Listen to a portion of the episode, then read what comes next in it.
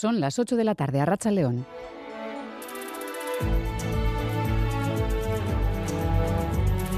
Gambara con Miriam Duque.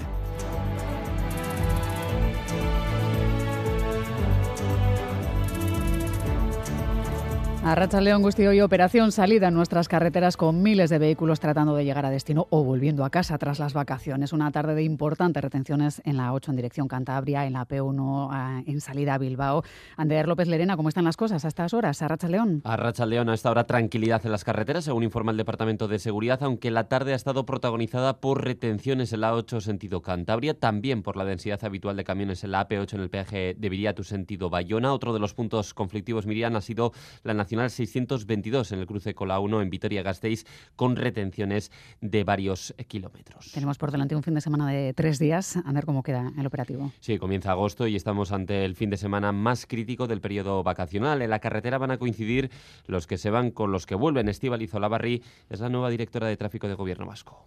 Estamos en el inicio del fin de semana más complejo de la operación salida y retorno de vacaciones. Este fin de semana, como sabéis, coincidirán principalmente las personas que salen rumbo a su destino vacacional, con algunas que ya las han disfrutado y que retornan a sus casas. Un verano en el que han circulado más vehículos por el peaje de Viriatu, concretamente un 2% más que en el año 2022, vehículos en parte que se dirigen al norte de África. En las próximas horas se prevén miles de desplazamientos, por eso todas las cabinas de los peajes van a contar con personal extra, tanto en el peaje de Echevarri, Viña, la P1, como en los peajes de Zarauz y de Irún.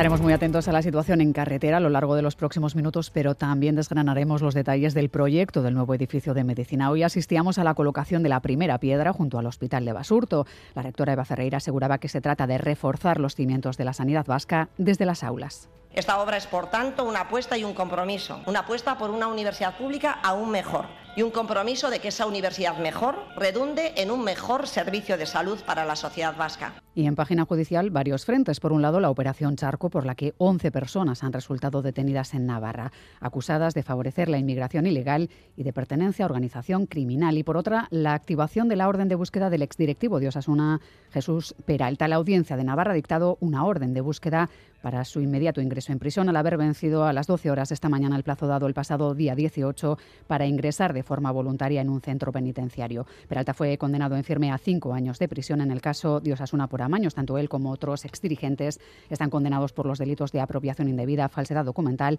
y corrupción deportivas. Y estas que van a escuchar han sido las primeras palabras de Abderrahman Tirani tras el golpe de Estado en Níger.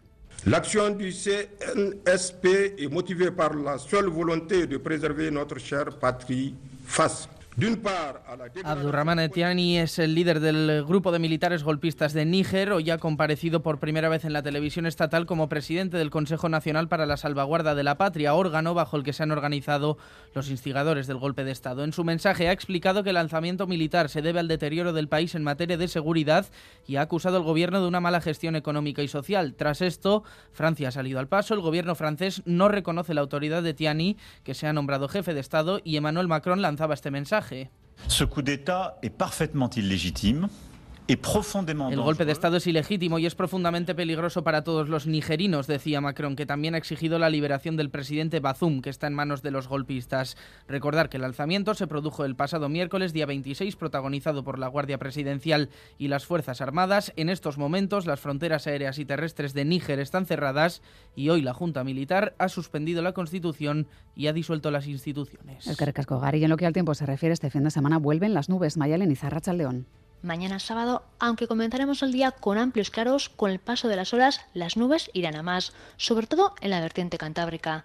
Aquí las nubes harán que bajen las máximas y por la tarde-noche pueden dejar algunas lloviznas. En la mitad sur veremos nubes y claros y de nuevo hará calor. El domingo seguirán predominando las nubes y lloverá un poco en la vertiente cantábrica.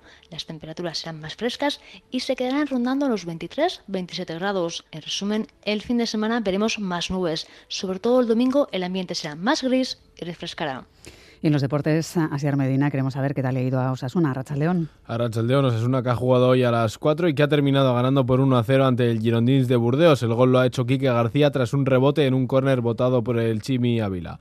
Además de esto, tarde en la que repasaremos las novedades de nuestros equipos, tanto del Athletic, que empató ayer, como del Alavés, de la Real o de otros tantos. Además, pondremos atención en la clásica de San Sebastián, que está a nada de, empezar, y en el Masters CaixaBank, que arranca hoy en lo que será su segunda jornada. Más deportes a partir de las 8 y cuarto. Carrecasco Asier. Un saludo de Miguel Ortiz y Pache González en la dirección técnica. Comenzamos.